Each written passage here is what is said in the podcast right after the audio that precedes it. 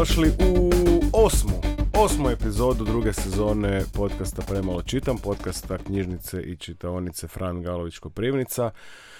U osmom, sezo- u osmu epizodu druge sezone u kojoj pričamo o mentalnom zdravlju, kao i cijelu ovu sezonu. Pričamo s ljudima koji imaju izazove u mentalnom zdravlju, pričamo sa stručnjacima.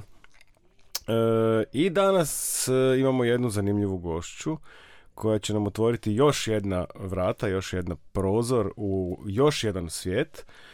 E, I vjerujem da ćemo danas puno toga e, korisnog naučiti. E, s nama je Maja Holek. Dobrodošla Maja. Dobar dan, hvala na pozivu. Maja je, krenut ćemo e, redom majka, supruga, ali i ravnateljica Pučkog otvorenog učilišta. A, eto. E, ako ostanete s nama do kraja, čućete što je to tuberozna skleroza, što se događa kad tuberozna skleroza uđe u obitelj i kako se s njome može zdravo živjeti. E, Majo, dobrodošla još jedan put. Kako se osjećaš? Evo, udobno. Udobno i ugodno. Udobno i ugodno. To zvuči kao ok. Ok. Iako veli naš, na- nama u školi, on, odnosno mi u školi znamo to da učenik nikad ne smije biti onak da mu bude skroz ugodno. Uvijek mora biti mala, mala Neću napetost. zaspat. ok. Ti si ravnateljica. Ravnateljica, to je ozbiljna stvar. E, ja ti želim ovako reći prvo i odati priznanje na, na poslu koju obavljaš. Mislim da je Pučko otvoreno učilište jako jedna aktivna naša gradska e, ustanova i mislim da u ime svih korisnika ti mogu reći hvala. Hvala na tome. Trudimo se, evo zaista se trudimo da imamo jako puno aktivnosti za naše građane i imamo odličan tim koji jako puno radi i mislim da je to dosta vidljivo, ali još pokušavamo biti vidljiviji i stalno pronalazimo neke nove načine, ali evo jako mi se tim trudi da to sve izgleda tako kako izgleda. Ok, nek nastavi u, u ovom stilu i bolje, ne? I bo- Uvijek E, može bolje. Majo, kakva si ti ravnateljica? A to moraš moj pitati.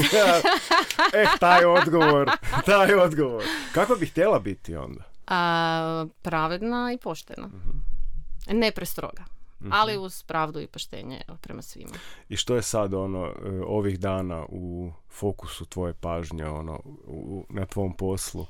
A, što se mene osobno tiče, evo izvješće prema Ministarstvu kulture jer smo imali a, obnovu, znači nastavak sanacije domoljuba, tako da evo obnovili smo pročelja, a, postavljena je solarna elektrana na krov domoljuba, tako da sad evo za ovaj dio sredstava koji smo dobili sufinanciranje od Ministarstva kulture i medija, pišem izvješće. Evo kratko. Ok. Mm, ne zvuči baš. Nije baš zanimljivo, da, uvijek se svi misle da, da ravnatelji samo šefuju i govore svima ono da delegiraju, ali eto ima jako puno papirologije koji mi moramo odraditi. Tako da evo, pogotovo je sad kraj godine, pa idu izvješća, pa idu planovi, uh, tako da evo. ima Imaš nešto onak, to bi nam mogla onak e, ekskluzivno reći za sljedeću godinu, nešto jako fora što spremate recimo za sljedeću godinu. Pa evo, meni je jako fora uh, što smo dobili jedan projekt iz Collaborate to Innovate uh, programa na koji smo, u kojem smo partneri, znači u, u okviru udruženja Europa Cinemas i tu ćemo imati aktivnosti za naše srednjoškolce, surađujemo sa tri zemlje, Srbijom, Mađarskom i Slovenijom i prikazivat ćemo filmova iz tih zemalja, uh, e- ekipa iz obrtničke škole, znači djeca će imati druženje, uzgledanje filmova, učenje kako da se snimi film kratki, tako da evo, to je nešto što me baš jako veseli, ovako softić projekt. Mhm. Film ti je... Film je ljubav, da, eto. Nije Je. teško skužiti. da, još uvijek mislim, e, s obzirom da sam ravnatelj koji radi program kina i koji radi u stvari kao voditelj kina, tako da evo, to je ono nešto što me, što zaista, zaista volim raditi e, i to me evo ispunjava. Ok. E, nismo te danas pozvali tu da bi pričali o Pučkom otvorenom učilištu, nismo te zvali da pričamo o tom ravnateljstvu. E, pričali, e, zvali smo te da nam pričaš o tome, e, o svojoj ulozi majke i supruge zapravo. E, ti si majka dvoje djece, ajde nam predstavi svoju djecu. Dakle, ja sam majka jedne prekrasne šestogodišnjakinje koja se zove Iva i jednog prekrasnog devetogodišnjaka koji se zove Luka. A, Iva ide u vrtić, dječji vrtić Stratinčica koji pohađa od ponedjeljka do srijede od 8 do 12 sati. S obzirom da je dijete s poteškoćama i s obzirom na to da e, četvrtkom i petkom ima terapije. A, Luka ide u osnovnu školu Anton Nemčić Gostovinski, e, treći razred, e, voli matematiku i voli tjelesni, što je čudno jer nije baš sportski tip, ali evo, to su mu nekako najdraži predmeti. I tu je tvoj suprug? Tu je moj suprug Nikola, koji je tri godine mlađi od mene, koji radi u Zavodu za hitnu medicinu Varaždinske županije i velika je podrška u svemu. Spomenuo sam uh, tuberoznu sklerozu. E, po čemu je vaša obitelj drugačija od drugih? E, pa naša obitelj je drugačija zbog toga što je Iva dijete koje boluje od tuberozne skleroze, to je jedna genska bolest u kojoj je oštećen gen ili TSC1 ili TSC2. Kod je to tu situacija da je oštećen gen TSC1. Ti geni u stvari služe tome da sprečavaju rast tumorskih tkiva, što znači logikom nalaže da kod nje tumorska tkiva rastu tak, svuda. E, tako da ona ima tumore na mozgiću, ima tumore na srcu, odnosno jedan, e, i ima tumoriće na oba dva bubrega i što zahtjeva naravno stalnu medicinsku skrb, redovite kontrole, mi sve obavljamo e, na KBC u Rebro, tamo imamo tim koji nas prati, a uz e, sve te nedaće koje ima zdravstveno, naravno dolazi i e, teškoće u razvoju, ima jedna od posljedica te bolesti je i epilepsija s kojom smo se borili evo do 2020. godine, sad je hvala Bogu od 37.2020 bez napada, tako da to je jedna blagodat koju ono si može samo osoba koja ima veze s epilepsijom zamisliti. Znači mi smo presretni zbog toga jer to je nešto što nam daje mogućnost da ona sad napreduje, što nije bilo moguće znači dok je imala napade. Uh, osim toga, naravno, s obzirom da ima taj rabdomijom na srcu, znači tumorić koji je bio smješten u sredini srca, koji se sad smanjio, ali još uvijek radi poteškoće provođenja impulsa, tako da ima i bradikardiju, ima AV blok. Prošle godine smo imali jednu evo, dosta drastičnu situaciju pa, smo, pa su se čak razmatrali ugrađivanje pacemakera, pa smo ju vozili i u Austriju na drugo mišljenje, u Linz, tako da evo za sad je srčeko stabilno, radimo češće kontrole, nosi holtere, pa idemo na preglede kod kardiologa na rebro i za sad je to odlučeno da ipak nećemo još raditi u sve te teškoće, kako je Iva drugačija od druge djece? Što, što, to, što, pa- što donosi e, ta, ta bolest, a što uh s druge strane, e, kakva je njezina osobnost?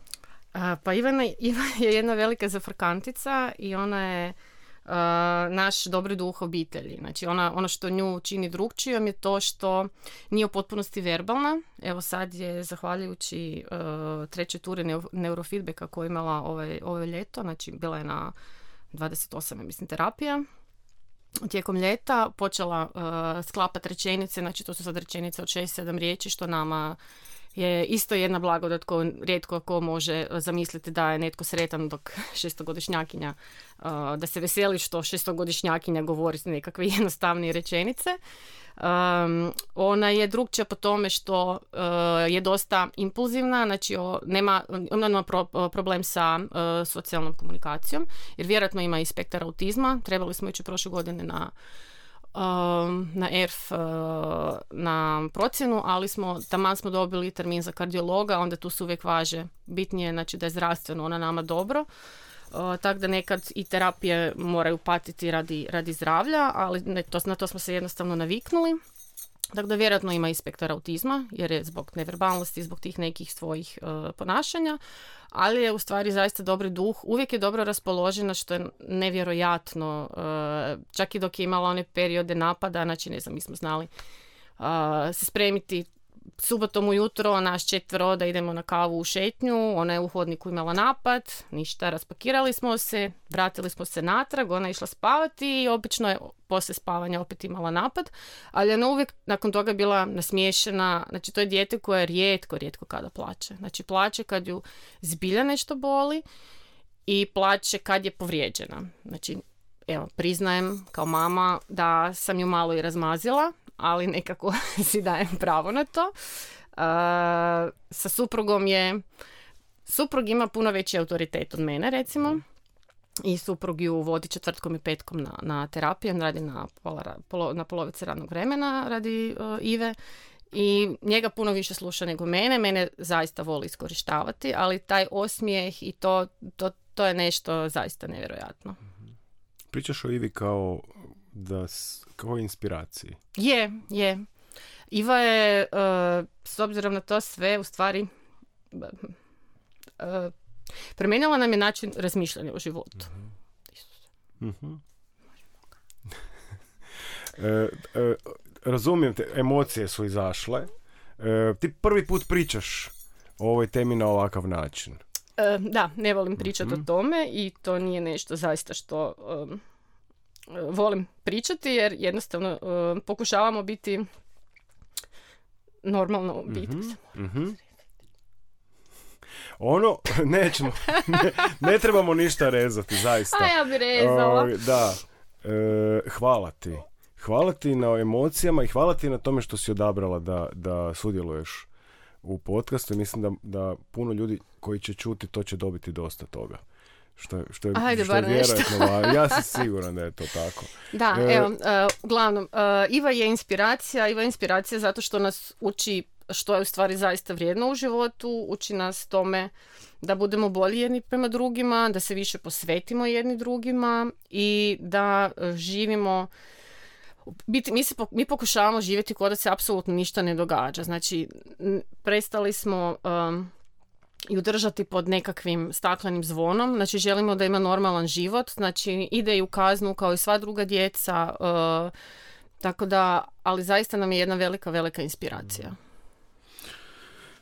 Priča, nabrojila si puno stvari. Znači, liječenje je nešto što se događa vjerojatno kad se Iva rodila kao nekakav kontinuitet. Još i prije. Još i prije nego se rodila jer smo, u, dok, sam imala, dok sam bila u 22. tjednu trudnoće se otkrilo da imam problema uh, sa srcem jer sam bila na pregledu u Varaždinu i onda smo hitno poslani uh, na Srebrnjak kod doktorice Lulić i onda doktorice Lulić hitno na Sveti Duh gdje, smo, gdje sam bila 10 dana i gdje su uh, pokušavali kortikosteroidima u stvari srce natjerati da radi jer je bila zaista uh, jako nis, niski otkucaj srca.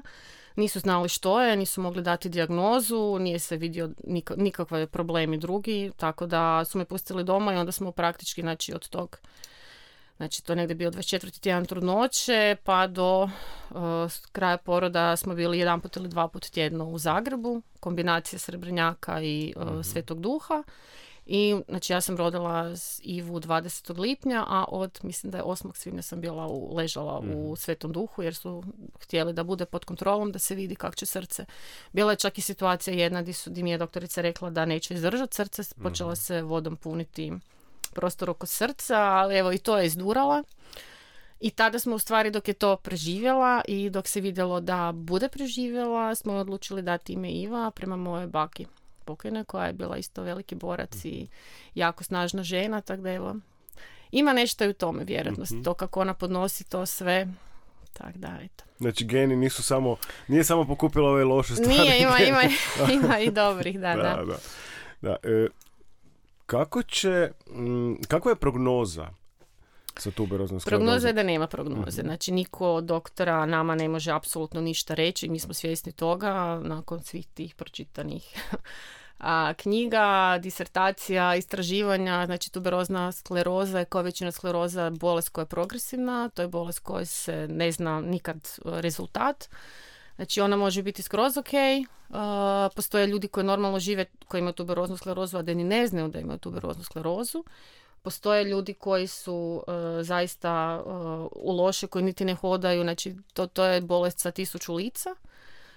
Nama da se dogodi njoj nekakav žešći epinapad, ko nam garantira, znači postoji ta sudep, znači smrt u snu od epinapada, njoj može svak, u svakom trenutku Srce, znači to je ono što nam je kardiolog rekao, ono što se ne događa, taj AV blok, znači ne ode otkucaj na 160, 180 i automatski padne odmah na 60 do 80 i kaže da tu se postoji mogućnost da srce jednostavno to ne može izdržati, tako da ne, nemamo prognoze, ali evo, trudimo se ne razmišljati o tome, osim dok eto tak neko te pozove pa ti pristaneš pričati o tome i onda, ali evo, za sve postoji prvi put.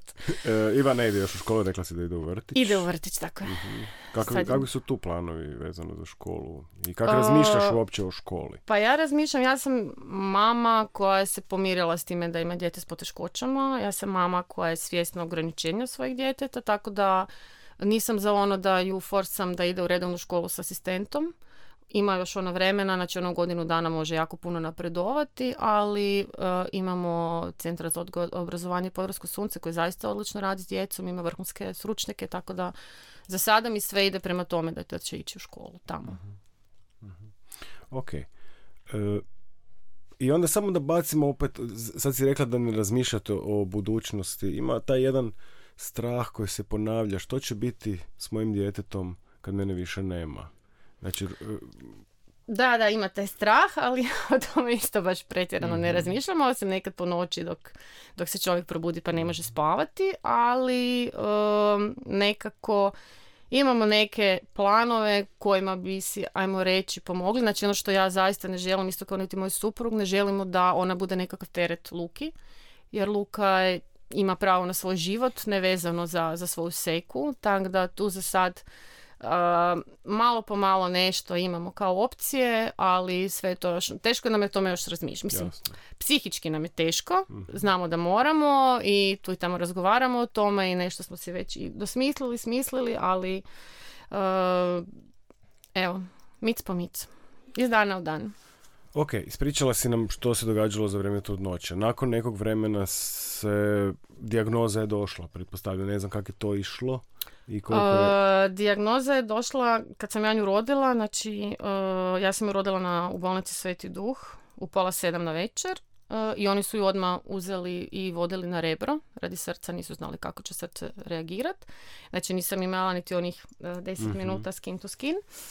Uh, I ujutro sam odmah tražila da potpišem na vlastitu odgovornost da idem za njom na rebro, tako da sam ja 17 sati nakon poroda u biti bila već na rebru uz naravno obećanje doktorici da ću pet dana barem ležati 5-6 sati po noći jer da ću se inače vratiti k njima na sveti mhm. duh. Tako da sam tih 5-6 dana bila u hotelu uh, Rebro po noći. Uh, preko dana sam bila s njom, znači od 5 do 11. onda kad bi zaspala sam se išla otuširati i vraćala se odmah tamo. I bili smo tamo 10 dana. tamo još nije dobila u to vrijeme dijagnozu.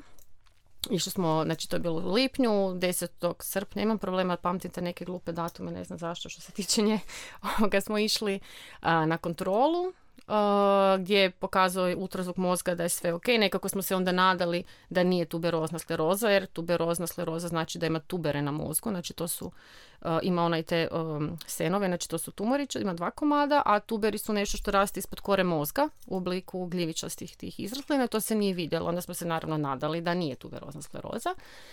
Ali eto, u 11. mjesecu smo dobili uh, dijagnozu jer smo bili na još jednoj kontroli gdje je napravljen EEG.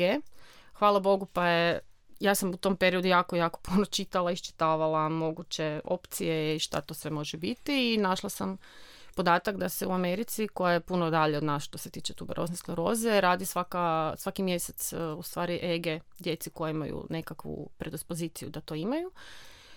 Tako da su napravili EG i kad su napravili EG smo odmah i ostali u bolnici jer je bio pun hipsaritmija i tada joj je uveden i prvi antiepileptik, Sabril. Znači sa četiri mjeseca života je počela mhm. piti. Hvala Bogu brzo je uh, primio. Znači već nakon dva, tri tjedna se vidjelo na EG-u da je, da je bolje. Uh, I naravno tada smo išli jednom tjedno na EG u Zagreb uh, na kontrole i pustili su nas nakon mislim deset dana da smo bili u bolnici, pustili nas doma i tada je počelo u stvari naše to putovanje sa tuberoznom sklerozom i sa antiepilepticima. Kasnije je dobila, znači to su bili napadi koje mi nismo vidjeli, to su bili subklinički napadi. Kasnije je dobila i kliničke napade koji su bili vidljivi i onda smo imali putovanje sa traženjem prikladnog antiepileptika koji bi mhm. njoj bio. Znači prešli smo, imali smo puno sreće, u stvari jer smo od treći put pogodili, doktor je pogodio antiepileptik, primio je, znači pili smo na tegretolu, to nije valjalo, pa smo bili na kepri i sad smo evo zahvaljujući Lamiktalu već tri godine bez napada. Nekoliko puta si već danas rekla kako ste imali sreće i kako je bilo nešto dobro. Da, vidiš kako je, kako to... je to stvar perspektive. ovoga. E, ok, da. događa se to, kod, znači jako malo dijete imate starijeg sina koji je malo stariji, e, morate se presložiti. Da, znači, kak. Kak ste se presložili? Uh, pa ne znam, to je nekak dolazilo u hodu. Uh, imali smo i podršku baka i deda koje su uvijek, znači ne znam kak smo mi dok je imala sedam mjeseci smo išli s njom dva puta tjedno a, u polikliniku Stojčević polovina na vježbice jer nije se mogla sama dići, tako da smo imali tu fizikalne, tamo smo nas učili, onda smo mi to radili doma i u biti je, kak moja mama živi kuća do, onda bi ona ujutro u pet došla k sinu našemu krevet, mi smo kretali za Zagreb, smo uvijek u osam imali mhm. te terapije i nekako uvijek smo se poslagivali. Nema tu, nema tu nekog izbora, ne, ne, ne možeš ti sad previše, niti, niti kod nas ne postoji previše planiranja unaprijed. Znači, nama je jako teško nešto isplanirati ali uvijek, se, uvijek su tu dogovori u hodu, razne tablice koje pišemo da polovimo to sve, tako da evo, lovimo se. Da, to baš kako učite? Kako učimo? Pa evo, postoji, misliš o bolesti da, ili da, da, mislim, e, znači, ono, desilo se nešto o čemu vjerojatno niste pojmali pojma, ne znam da li ste čuli za to, razumiješ? Ne, prvo dok, je, dok, dok su doktori sve to rekli to ime tuberozna skleroza, ja se nisam to mogla zapamtiti ovo tuberozna, tako da ni u životu čuli nismo. A, pa ja sam dosta čitala ove um, uh, strane studije, znači Amerika ima poliklinike za tuberoznu sklerozu, to je kod njih uh, dosta, uh, mislim, rijetka je bolest, ali imaju, očito imaju i para, imaju i uh, stručnjake koji rade na tome, tako da jako sam puno čitala znači, tih, tih uh, istraživanja američkih, medicinske ove članke razno razne, proučila sam apsolutno sve antiepileptike koje postoje, tablice sam si radila sa Uh, nazivima, generičkim nazivima epileptika za koje su napade, pa sam gledala, ono, mislim, problem je u tome što kad postoji nekakva nepoznanica, ja se ne osjećam ugodno kad moram s nekim pričati o, o tako važnoj stvari, a ne znam o tome ništa, tako da sam se u biti morala pripremiti jer sam htjela znati ono šta će mi doktor reći, mi se ne mogu blejati ko, mm ko tele. Da bi znala postaviti da, prava pitanja da, da, i da, da. Da, mhm. tako da evo internet nam je bio zaista velike, veliki, mhm. velika pomoć i to što postoje te ta istraživanja koja si mogao skinuti u, i, i čitati zaista. Otvori se jedna nova obavezna znatiželja koju da. moraš zadovoljiti. Da, znači diplomske radove sam čitala od raznih mm. stručnjaka i tako. Mm. Eto.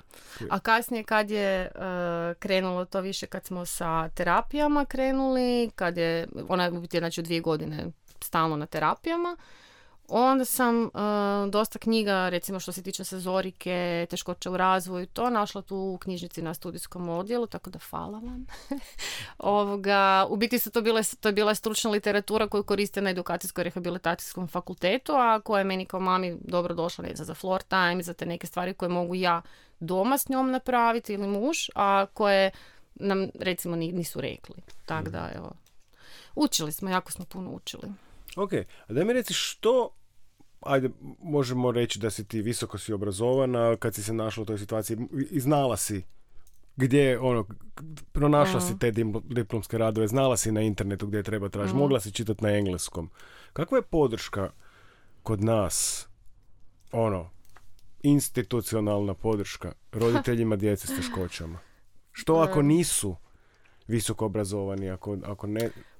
Podrške u biti nema, mislim, na razini države to je, mislim da još uvijek ima premalo djece s poteškoćama i premalo uh, djece sa rijetkim bolestima da bi moglo, da bi sustav nešto više poduzeo što se tiče toga. Znači ja sam za sve terapije koje sam znala saznala preko mama, znači mama koja imaju djecu s poteškoćama, meni niko od doktora nikad nije rekao odite na terapije, možete dobiti tamo i tamo.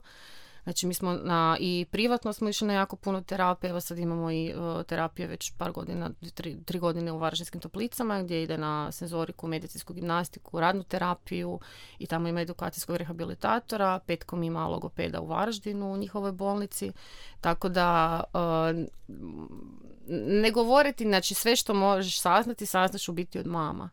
Znači meni je ogromna podrška bila u tim trenucima te naše grupe koje imamo, znači imamo grupe balkanske za uh, gdje smo mi mame, znači samo su mame. Uh, Znači govoriš o grupama na društvenim na Viberu, na Viberu. Da, da. Uh, znači uh, djece oboljele od tuberozne skleroze gdje onda razmjenjujemo iskustva.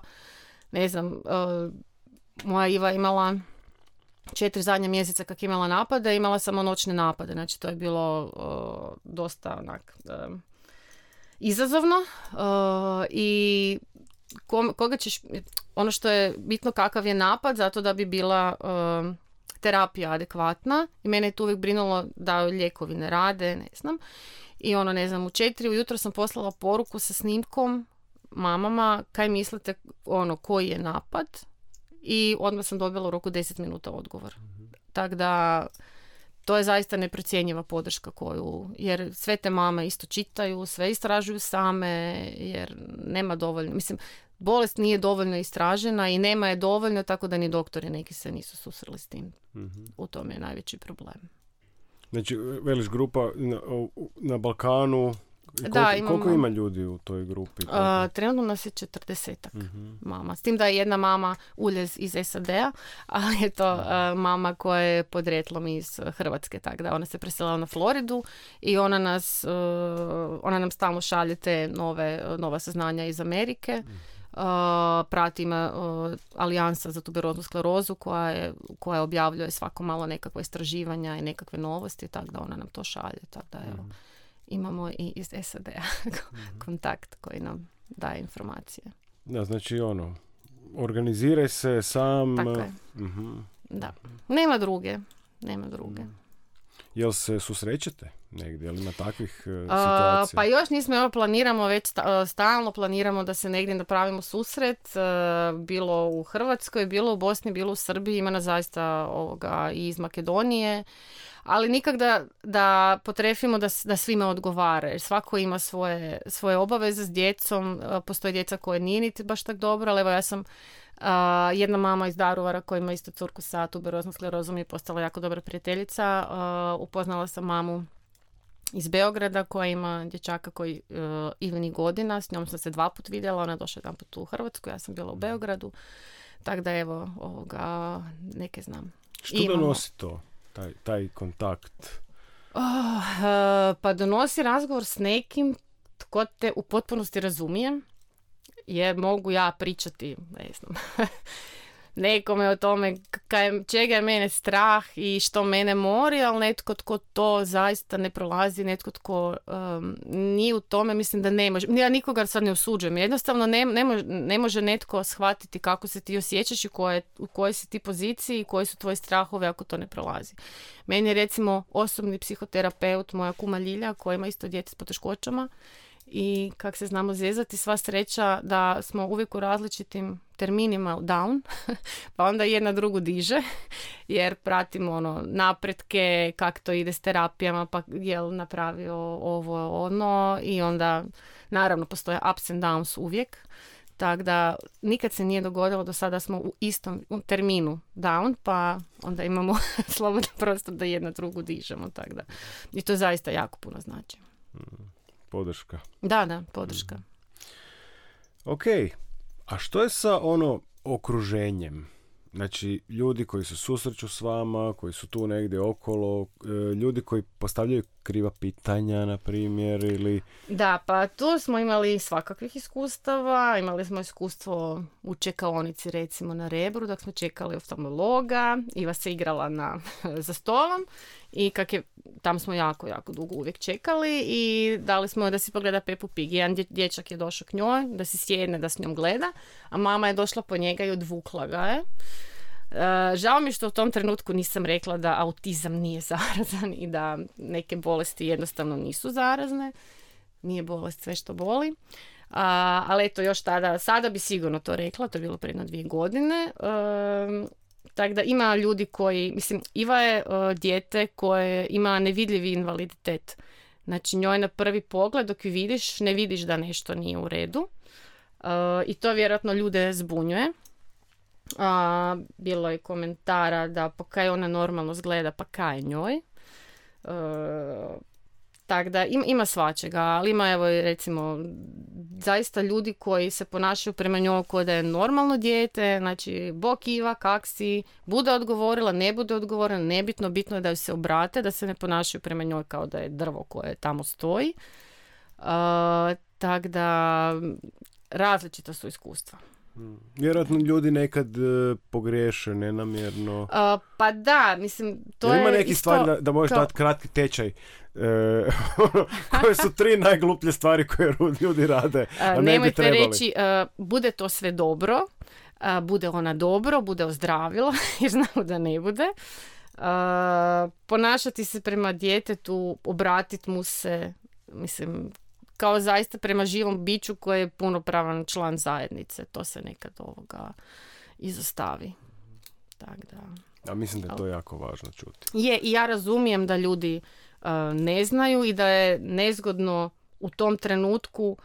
Uh, sigurna sam da većina njih to ne radi iz nekakve zlobe ili zato što su bezobrazni, nego jednostavno ne znaju. Tako da ono, mislim da bi zaista trebali nekakvi tečaj, komunikacijski tečaj za kako komunicirati sa osobama s invaliditetom, s djecom s poteškoćama u razvoju, tak, zaista, velim, mislim da u 90% slučajeva je to jednostavno neznanje, ali ima i onih koji ne žele jednostavno da njihovo dijete vidi kako izgleda dijete s poteškoćama, jer kak bude sad on objasnio kaj je to, zakaj se dijete tak ponaša. Mislim, ja se sjećam prije jedno tri, četiri godine, sad kad još, Iva još bila mala, kak ima epilepsiju i ne smije na sunce. Bili smo kod kuma na rođendanu i Iva se htjela ljuljati, obožava ljulječke.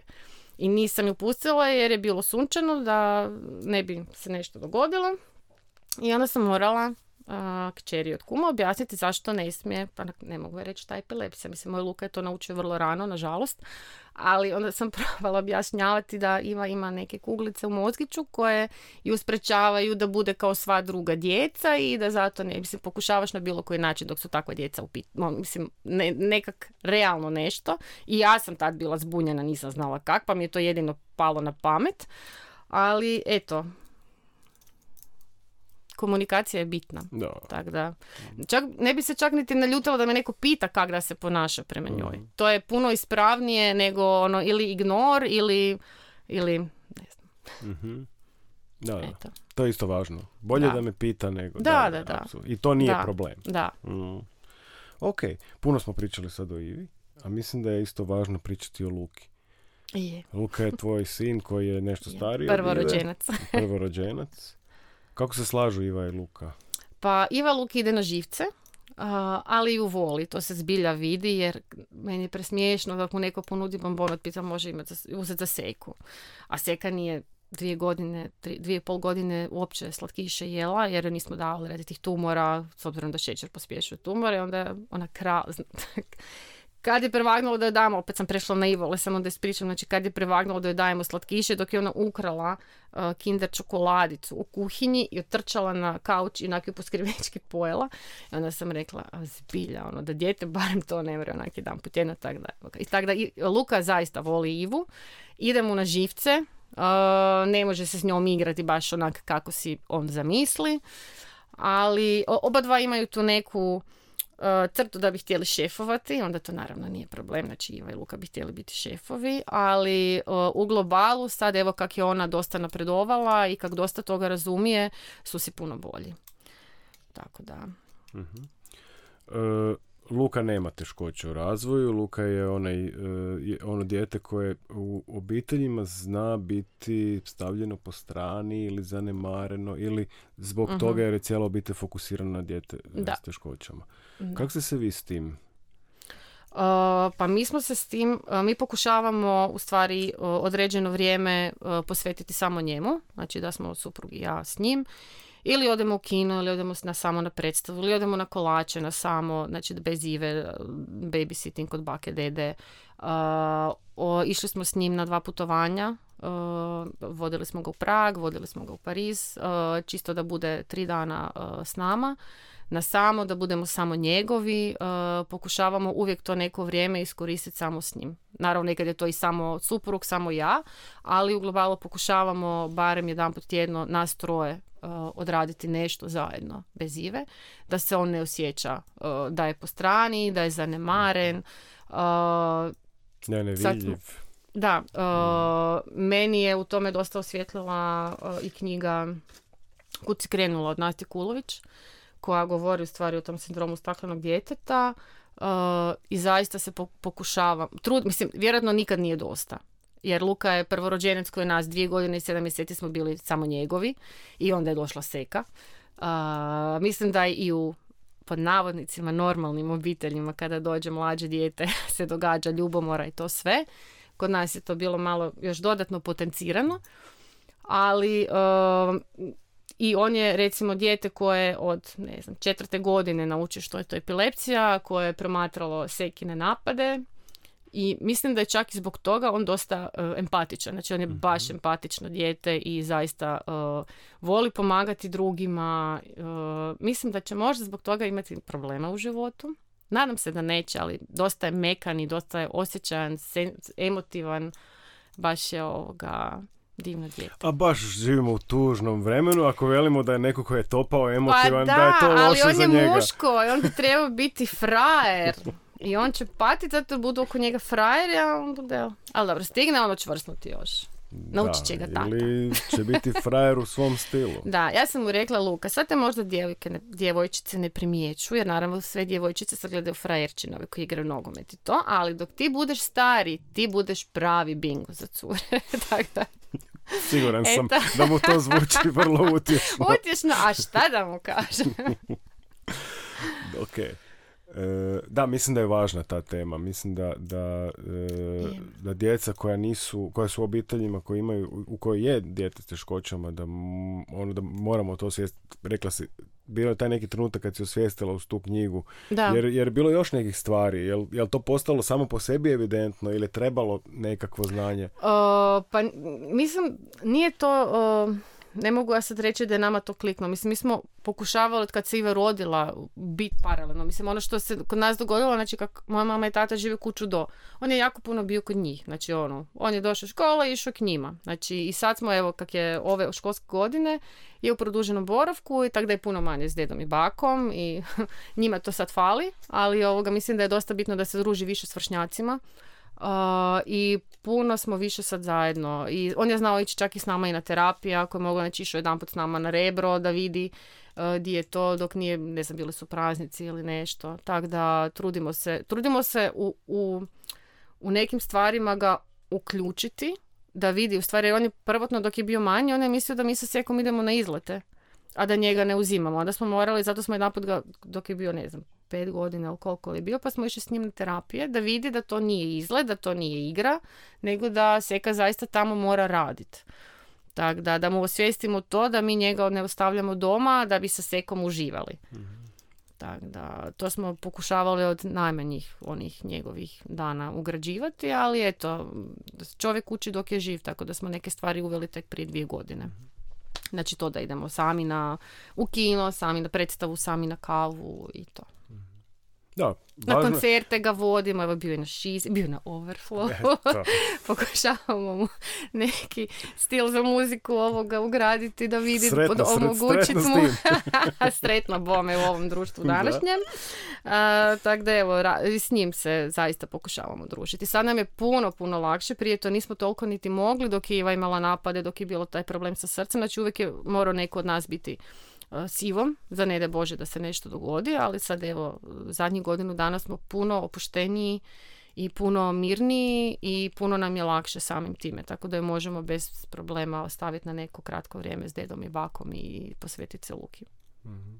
Puno si tu rekla e, danas o, o, i o učenju i o promišljanju i o tome da treba neke, aha, sad smo ovo skužili, sad moramo to mhm. raditi. E, nema tu puno stihije. Barem je to ovakav dojam. Znaš, ono, roditeljstvo, oh. dobro roditeljstvo ne bi smjelo biti stihija, zar ne? Ne bi smjelo, da.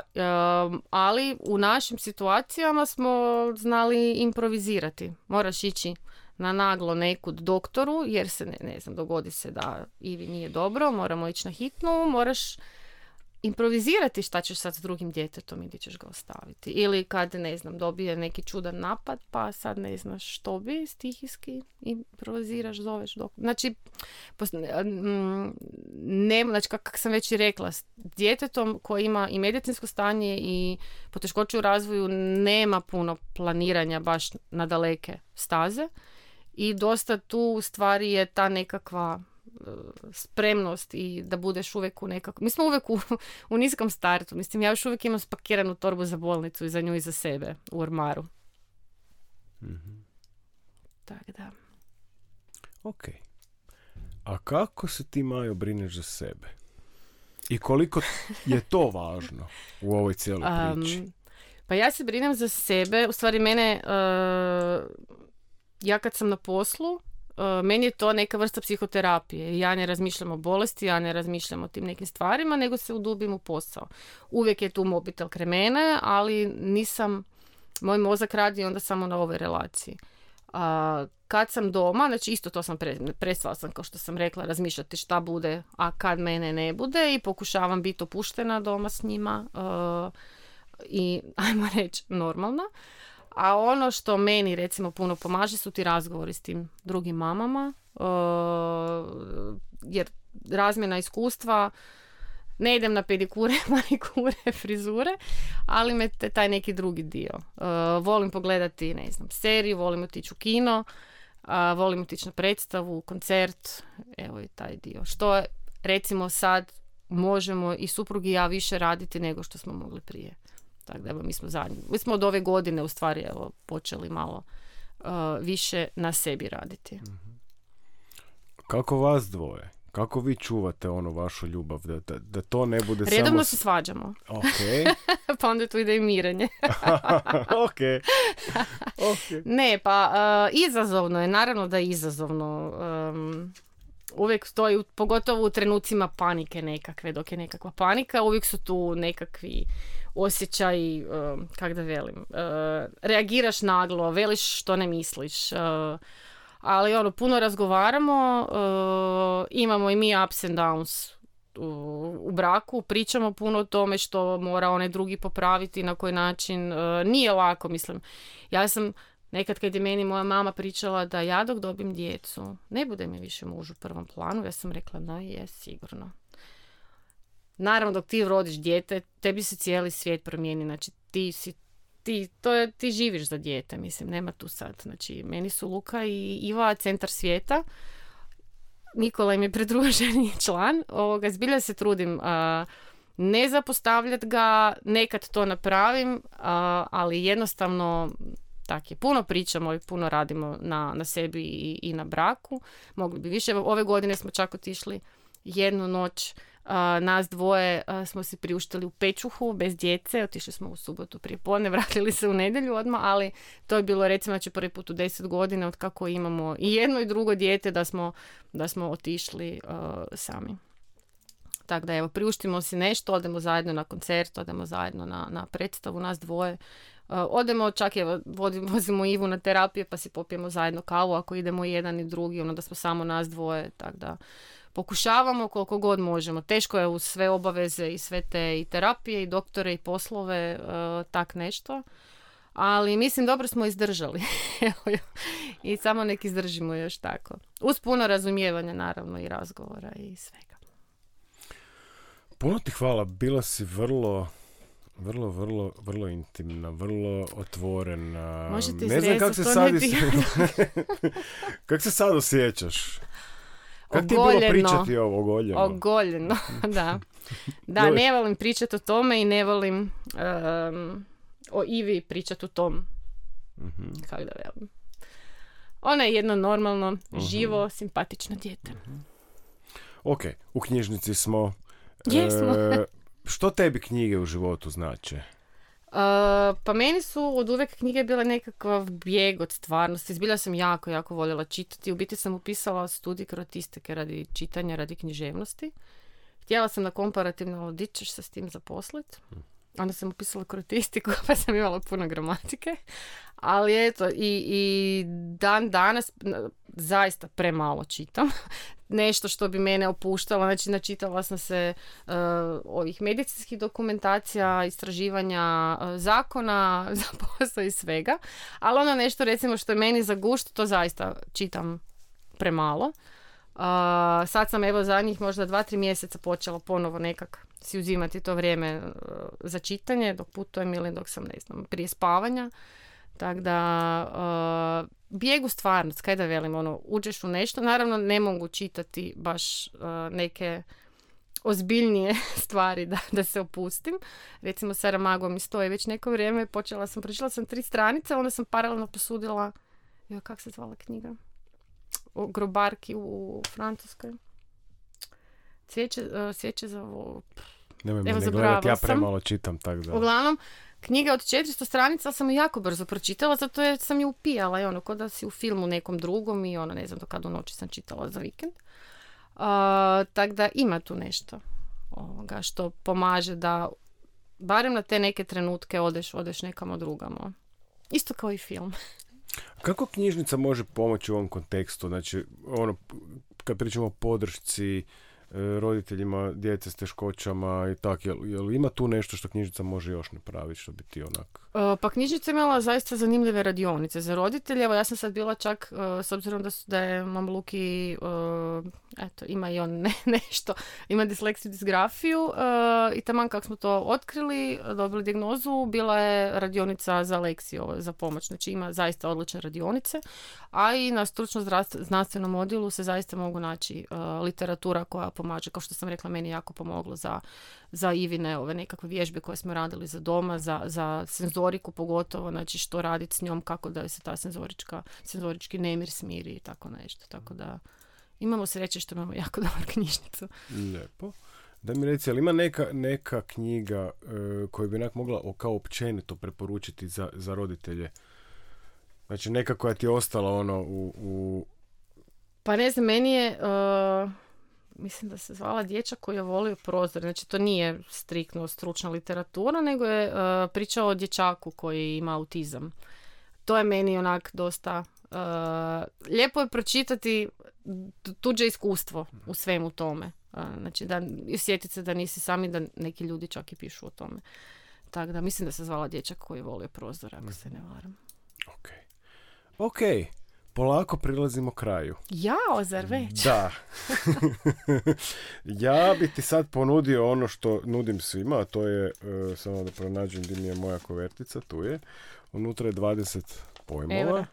20 eura. Nije 20 eura. Ima 20 pojmova. E, Dobro. ti ćeš zvući jedan po jedan. I Dobro. reći, ćeš, reći, reći ćeš nam što, na što te asociraju. Evo.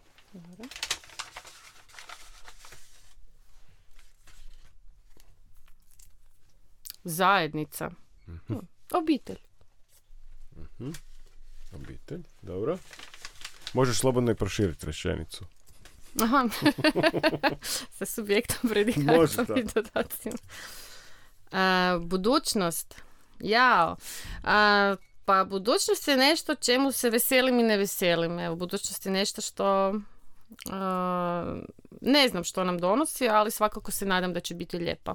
Kao što je i do sada, sad u nekim zadnjim danima. Uspjeh. Pa uspjeh je biti dobra mama, supruga, a i šefica. I radnica. Ja sam u stvari radnik. Ovoga. Učenje. Uh, učenje je nešto bez čega ne možemo. Uh, u svako, znači, zato postoji tjedan cjeloživotnog učenja koje nam ukazuje na to, moram malo promovirati, koji ukazuje na to da iz dana u dana će ne možemo samo stati, završiti osnovnu srednju školu ili fakultet i samo stati, jer se svijet mijenja, mijenjaju se ljudi i moramo u stvari naučiti kako se s tim nositi.